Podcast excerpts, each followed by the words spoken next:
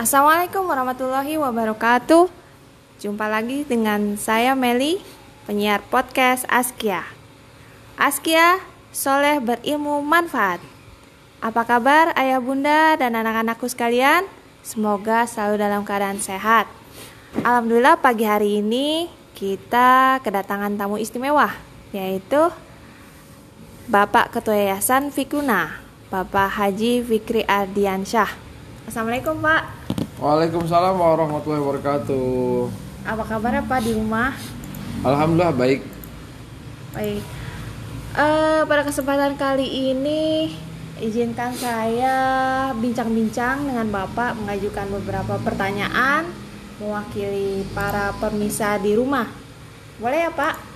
Boleh, silakan. Oke. Ini Pak, eh, mungkin di antara teman-teman atau para pendengar di rumah ingin tahu apa sih eh, background pendidikan Bapak atau Bapak kuliah di mana atau Bapak pernahkah Bapak eh, bersekolah di pesantren? Oke. Terima kasih. Eh, sebelumnya terima kasih atas waktunya diberikan kepada saya. Bismillahirrahmanirrahim. Alhamdulillah saya pernah sekolah di SDN 04 Parung 04 Parung belaka- sampingnya kantor polisi Polsek Parung Berarti Di situ sama cuma- sama dengan saya ya.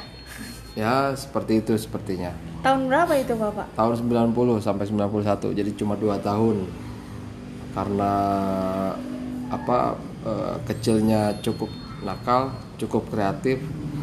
Pulang Jumat apa pulang sekolah langsung main nggak sholat Jumat ketika hari Jumat. Jadi langsung di pesantrenin di Jawa Timur tepatnya di Kabupaten Gresik Kecamatan Sidayu pesisir pesisir pantai.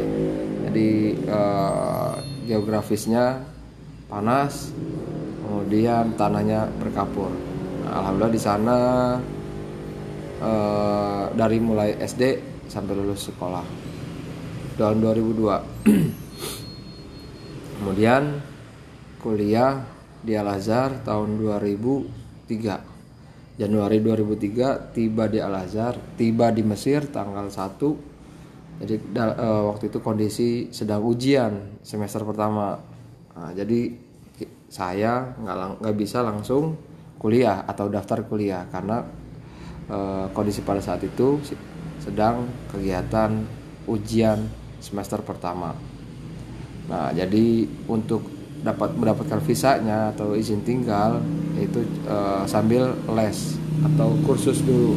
Ya, di mana lembaga itu mengeluarkan surat keterangan bahwa dia lagi belajar. Nah, di- disampaikanlah ke eh, apa namanya keimigrasian di Mesir untuk pengajuan visa. Alhamdulillah dapat visa dan bulan Juni tahun 2003 kuliah di Al Azhar dengan cara mendaftar sendiri gitu. Karena berkasnya nggak lengkap nih waktu itu. Ya, yang daftar banyak, berkasnya berkas saya nggak lengkap, dilempar berkasnya. Ya, karena saya tahu diri, karena kuliahnya gratis, terus dapat beasiswa juga, ya nggak perlu marah lah, walaupun dilempar di lantai berserakan. Ya, itu sudah, ya kita harus, karena kita murid, ya jadi harus sopan. Tamu lagi. Nah alhamdulillah kuliah di Al Azhar selesai dalam waktu 4 tahun. Jadi sebelum kuliah udah udah puas jalan-jalan keliling Mesir bisa dibilang. Ke berbagai macam tempat sejarah. Alhamdulillah lulus 2007 Itu setelah lulus Bapak langsung mendirikan eh, Yayasan Fikruna Oh, enggak. atau?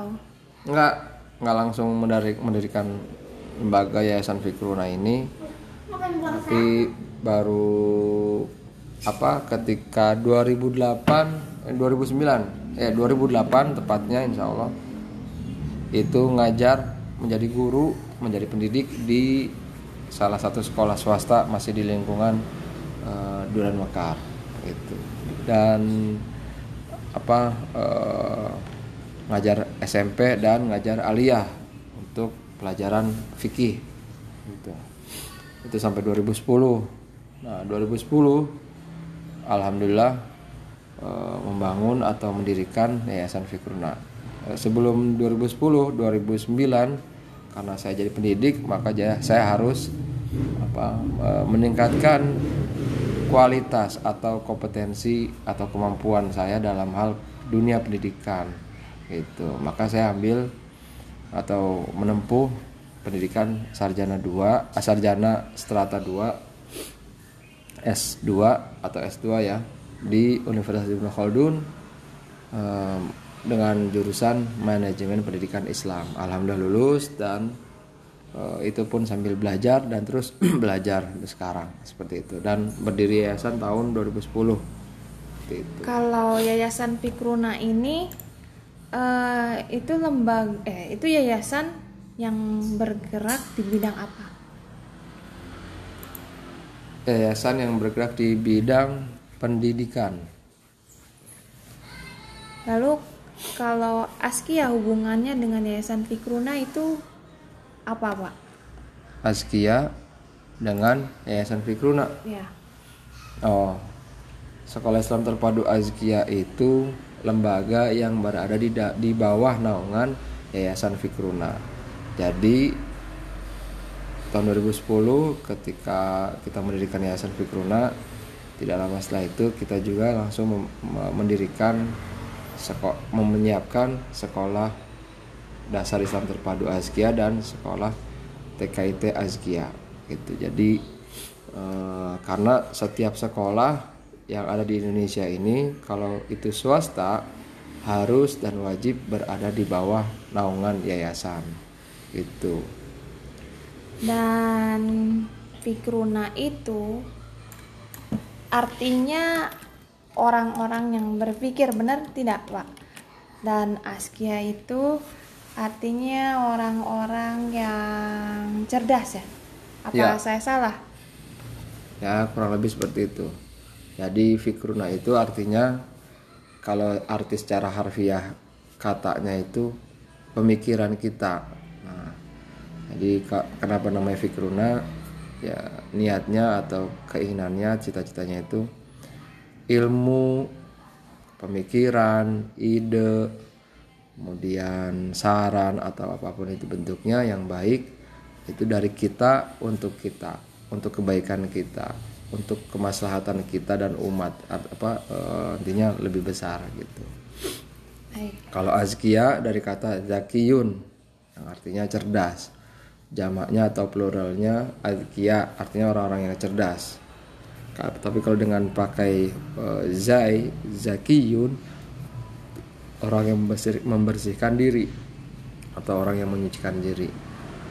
Jadi uh, dengan nama azkia Eh, cita-cita kita mempunyai peserta didik yang cerdas. Selain cerdas dia juga uh, selalu membersihkan dirinya dengan cara membersihkan hati menjaga perilaku menjaga tutur kata yang pada akhirnya selalu bertakwa kepada Allah Subhanahu wa taala. Dan seperti bayi yang baru lahir suci seperti itu. Jadi eh, eh, di mana pun kapan pun dia selalu bertakwa kepada Allah gitu. Nah itulah eh, moto kita soleh berilmu manfaat.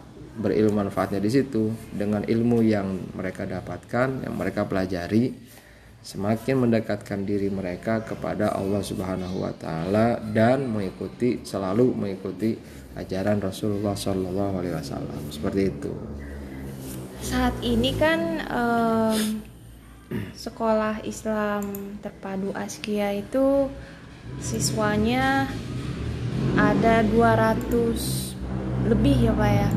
Apakah waktu pertama kali mendirikan uh, sekolah Islam terpadu Askia ini langsung mendapat siswa sekian banyak? Oh enggak. Semua itu berproses semua itu berproses dan alhamdulillah uh, di tahun pertama berdiri karena ada beberapa faktor jadi yang mendaftar baru 8 itu pun yang tiga masih family masih keluarga gitu. Di tahun kedua ya karena ada beberapa faktor juga yang kita rubah uh, alhamdulillah langsung meningkat 10 kali lipat dari 8 menjadi 80 siswa yang masuk. Yang tadinya cuma satu kelas juga enggak alhamdulillah tahun kedua menjadi tiga kelas. Begitu. Tahun ketiga jadi kita batasi hanya dua kelas gitu. Melihat kondisi uh, sarana prasarana seperti itu. Uh, menghadapi pandemik yang saat ini terjadi, apakah sekolah Islam terpadu Askia uh, siap mengadakan sistem pembelajaran jarak jauh? Alhamdulillah siap. Kita juga sudah uh, uh, tepatnya kemarin tahun ajaran 2019-2020 kita sudah mempersiapkan yang namanya sistem informasi pendidikan atau disingkat SIP SIP Azkia. Uh, ada yang berbentuk aplikasi dan juga ada yang berbentuk atau bisa dibuka di browser, browser browser Mozilla atau Google Chrome atau Internet Explorer. Kalau yang berbentuk aplikasi bisa di-download di Play Store. Sudah ada di situ. Ada logo logo Azkia juga, logo Sekolah Islam Terpadu Azkia. SIP Sekolah Islam Terpadu Azkia SIT Azkia di download di Play Store. Nah, kalau untuk di versi aplikasinya eh, menunya terbatas. Seperti contoh ya jadwal, kemudian kehadiran, kemudian apa namanya eh, cara pembayaran SPP dan sebagainya. Kalau versi browser kita masuk kita masuk login menggunakan browser itu menunya lebih banyak di situ ada selain absensi kemudian jadwal ada hasil atau laporan pembelajaran selama di Azkia seperti itu. Ada kendala tidak Pak dari pihak wali siswa ataupun dari guru-guru dalam hal sistem pembelajaran jarak jauh ini? Ya, kendala pasti ada. Namanya kita perubahan atau berubah dari yang tadinya offline atau tatap muka bertemu langsung di kelas menjadi online berjarak gitu ya uh, di, di hari di minggu-minggu awal kita diliburkan itu menggunakan apa namanya Google Form fasilitas dari Google Google Form. Jadi memberikan tugas menggunakan Google Form. Seperti kendala juga ada dengan uh, Eh, kuota. Jadi kalau kita pakai aplikasi Zoom itu kan memakan kuota sedangkan kuota kita terbatas. Ada tidak semua menggunakan uh, wifi ya pakai kuota handphone sendiri masing-masing gitu kan. Kemudian juga ada kendala misalkan uh, ada yang belum mengerti bagaimana cara buat video. Kalau misalkan ke teman-teman kita minta untuk buat video gitu kan membuat soal dengan cara online dengan Google Form dan sebagainya. Itu semua kendalanya dan alhamdulillah bisa diatasi sedikit demi sedikit dengan terus belajar dengan kemauan kita untuk terus belajar gitu.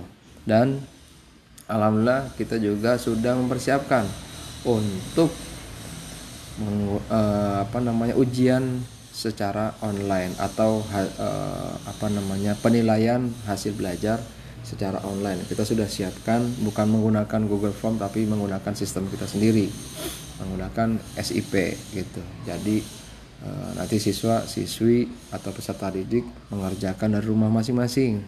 Waktunya ada di situ jadwalnya apa dijadwalkan ada di jadwal di mungkin akan dijadwalkan ya oleh manajemen sekolah atau panitia. E, nanti juga di soal itu ada waktunya dalam hal mengerjakan berapa lama gitu dan itu semua uh, sudah kita persiapkan alhamdulillah ya. kalau sekarang juga termasuk ngaji kiroati kita ada yang menggunakan video call ada yang menggunakan zoom ada yang menggunakan uh, video rekaman video direkam anak yang ngaji dikirim ke gurunya. Kalau saya pribadi video call seperti itu. Jadi yang lebih baik sih uh, offline ya tatap muka. Tapi karena kondisi seperti ini jadi untuk sementara waktu tetap agar anak-anak tetap belajar tetap ngaji kita tetap mengajarnya uh, salah satunya dengan menggunakan video call via WhatsApp. Gitu. Oh iya pak. Um, Mungkin juga ada pertanyaan dari para pendengar kita, mengapa di sekolah Askia itu menggunakan metode kiroati untuk belajar mengajinya, tidak menggunakan metode yang lain gitu. Terima kasih atas pertanyaan yang bagus.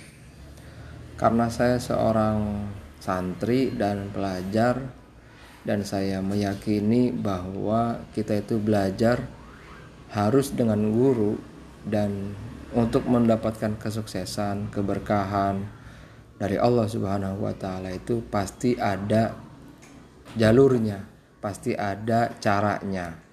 Yang pertama adalah cara kita harus selalu senantiasa menghormati patuh kepada orang tua. Allah juga sudah berfirman apa uh, wala taqul lahuma ufin wa qul lahuma qaulan karima penggalan-penggalan ayat tersebut tadi wakul lahuma kaulan karima itu e, memerintahkan kita berbicara dengan orang tua orang tua kandung ya itu dengan baik dengan mulia dengan sopan itu agar kita mendapatkan ridhonya. Hadis rasul juga kan ada. Ridho Allahu fi ridhol walidain wa fi syakhtil walidain karena yang yang melahirkan kita yang membesarkan kita itu kan orang tua.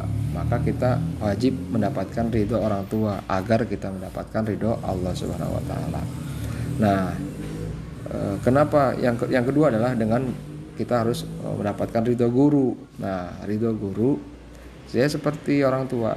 Mereka yang mengajarkan kita alif ba mereka yang mengajarkan kita cara baca ini budi dulu kan cuma ini budi ini kelas dan sebagainya. Nggak nggak tidak sesulit atau sekelumit sekarang kalau belajar ya belajar kelas 1 itu semua kan atas uh, atas jasa besar guru yang tidak ada penghargaan berbentuk fisik ya seperti itu. Atau kalau bahasa mudahnya pahlawan tanpa tanda jasa lah gitu medali atau apa. Itu semua uh, apa namanya kerja keras dari guru. Dan guru pun insya Allah setiap hari setiap selesai lima waktu selalu mendoakan anak-anak muridnya di mana pun mereka berada. Sampai kapan pun mereka tetap menjadi muridnya. Tidak ada mantan murid tidak ada mantan anak nggak ada. Tidak ada tidak ada mantan orang tua tidak ada mantan guru tidak ada. Sampai kapan pun si A guru saya, si A orang tua saya, seperti itu. Dan mendapatkan ridho guru itu keberkahannya sangat luar biasa, gitu. Ini yang saya rasakan, gitu. Alhamdulillah keinginan untuk mempunyai lembaga Yayasan Fikruna ini terkabul ya berkat orang tua, doa orang tua, berkat doa guru atau ridho guru, berkat doa saya juga ya insya Allah Allah mengijabah doa saya gitu. Saya yakin aja kan Allah mau mendengar Allah mau menerima mengabulkan permintaan hamba-hambanya. Seperti itu. Karena saya mengikuti saran dari guru saya di Jawa Timur sana gitu. Untuk apa kuliah di Mesir kemudian kalau ya namanya santri nakal ya wajar gitu kan. Nah kemudian uh, hubungannya dengan kiroati apa yang tadi saya ceritakan adalah saya ingin mempunyai anak-anak didik yang mampu membaca Al-Quran dengan baik dan benar. Jadi, sebelum menghafalkan Quran, anak-anak tersebut, murid-murid saya, peserta didik yang ada di Azkia, wajib mampu baca Al-Quran dengan baik dan benar. Gitu. Nah kenapa metode kiraati? Metode kiraati ya memang metode yang satu adalah original. Seperti metode waktu saya belajar di Sidayu. Metode Sidayu itu original. Uh, Al-Maghfurlah Kiai Haji Muhammad bin Sofwan beliau menulis metode sidayu itu malam hari ketika sesu, sesudah atau ketika selesai e, melaksanakan sholat taubat, sholat hajat, dan sholat tahajud. baru beliau menulis. Itu pun tidak langsung satu lembar tapi cuma beberapa huruf. Itu. Jadi malam berikutnya beliau sholat. Sebelum menulis beliau sholat taubat sholat hajat sholat tahajud cerita ini saya dapatkan dari salah satu guru di uh, Karawang di pesantren anak-anak anak-anak TK di Karawang yang menggunakan metode Sidayu nah uh, Kiai Haji Dahlan Salim Zarkasi pernah silaturahim, pernah berkunjung ke pesantren saya dan bertemu dengan Al-Maghfurlah Haji Muhammad bin Sofwan. Gimana caranya kok bisa gimana ceritanya kok bisa sampai ke Sidayu? Nah, di buku autobiografi beliau uh, yang ditulis oleh putra beliau sendiri yaitu Kiai Haji da, Kiai Haji Abu Bakar Dahlan. Putra beliau kalau tidak salah yang kelima. Pak Abu ini atau Pak Kiai Abu ini yang kelima. Beliau menceritakan Pak Dahlan waktu itu sudah mengajarkan kiroati atau sudah mengajar ngaji Nah, murid yang paling kecil itu usianya usia kelas 5 ya, kira-kira 12 eh, tahun ya. Kalau kelas 5 berarti 12 tahun ya. Hmm kira-kira usianya segitu uh, 12 tahun atau 11 tahun atau 12 tahun yang paling kecil dia yang diajar ngaji oleh Pak Kiai Dahlan adalah usia anak kelas 5 Pak Kiai Dahlan ini adalah penulis penulis penulis, dari... penulis metode kiroati. Penulis metode kiroati. Dan beliau sendiri yang menulis itu nah uh, waktu itu ada wali murid atau wali santri yang ada di yang putranya mengaji kepada beliau mengajak pakai dalan ini untuk silaturahim ke Sidayu. Pak Yai ayo kita silaturahim ke Sidayu loh di Sidayu memangnya ada siapa? Begitu. Nah saya mau nengok anak saya yang kecil yang TK anak saya yang besar kan di Panjenengan di dipakai dahlan. Nah, anak saya yang kecil yang masih TK, saya pesantrenin di Sidayu, di Kiai Muhammad, sebut orang itu. Nah, ya sudah, mari kita jalan ke sana. Sampai di sana, ya eh, ketemu dengan guru saya Kiai Haji Muhammad bin Sofwan. Dan eh, walaupun saya menggunakan metode kiroati, biwasilah silaturahim Kiai, Haji Dahlan Salim Sarkasi kepada Kiai Haji Muhammad bin Sofan mudah-mudahan ridho-ridho beliau ridho beliau-beliau ini sampai kepada saya kepada teman-teman guru pengajar metode kiroati di Azkia. Seperti itu. Karena tanpa ridho guru ya sepertinya kurang lancar pengajaran pengajaran pembelajaran uh, proses pembelajarannya. Seperti itu. Dengan ridho guru insya Allah pembelajaran lancar mendapatkan ilmu yang bermanfaat hidupnya berkah dan sebagainya. Gitu seperti itu. Jadi itu yang menjadi alasan mengapa sekolah kita ini menggunakan metode kiroati ya. Uh, baik sebagai penutup dari bincang-bincang kita hari ini, apakah mungkin Pak Aji Fikri ada yang ingin disampaikan, pesan atau ungkapan terima kasih kepada uh, ayah bunda serta anak-anak didik kita yang berada di rumah? Uh, ucapkan terima kasih atas uh, waktunya yang diberikan kepada saya dan juga terima kasih kepada yang setia mendengarkan uh, Encore Azkia ya yang dipandu atau yang dibawakan oleh Bu Melina. Semoga uh, beliau selalu sehat dan Amin. yang mendengarkan juga selalu sehat. Amin. dan terima kasih untuk yang mendengarkan setia. Dan pesan saya tetap belajar di rumah tetap belajar dan tetap sholat. Eh, jangan lupa sholat jangan lupa mengaji. Karena itu rutinitas kita sampai hari akhir nanti sampai kita tutup usia. Itu mudah-mudahan kalian anak-anakku semua di mana pun kalian berada yang mendengarkan ini kalian menjadi dijadikan oleh Allah Subhanahu wa taala anak yang soleh solehah Amin. punya ilmu yang bermanfaat Amin. ya dan nanti kita semua mudah-mudahan diwafatkan oleh Allah dalam keadaan soleh dan dikumpulkan dibangkitkan dengan orang-orang yang soleh Amin. mudah-mudahan juga kalian selalu sehat walafiat orang tua kalian Amin. pun sama guru-guru kalian pun sama dan mudah-mudahan dimudahkan rezekinya oleh Allah Subhanahu wa taala. Seperti itu pesan dari saya. Mohon maaf kalau kurang pan apa lebih panjang eh kepanjangan atau ada yang salah tutur kata atau ada yang nggak nyambung atau yang gimana gimana ya saya mohon dimohon pintu maaf ya Bu. Ya. Terima saya juga kasih. ingin mengucapkan mohon maaf kalau masih apa masih kaku dalam membawakan podcast kesayangan kita ini podcastnya Askia. Terima kasih Bapak Haji Fikri Ardiansyah atas waktunya, atas pesan-pesannya, juga sedikit cerita mengenai uh, riwayat hidupnya. Uh, semoga kita semua dalam keadaan sehat selalu dan pandemik segera berlalu dan kita bisa bertemu lagi di sekolah.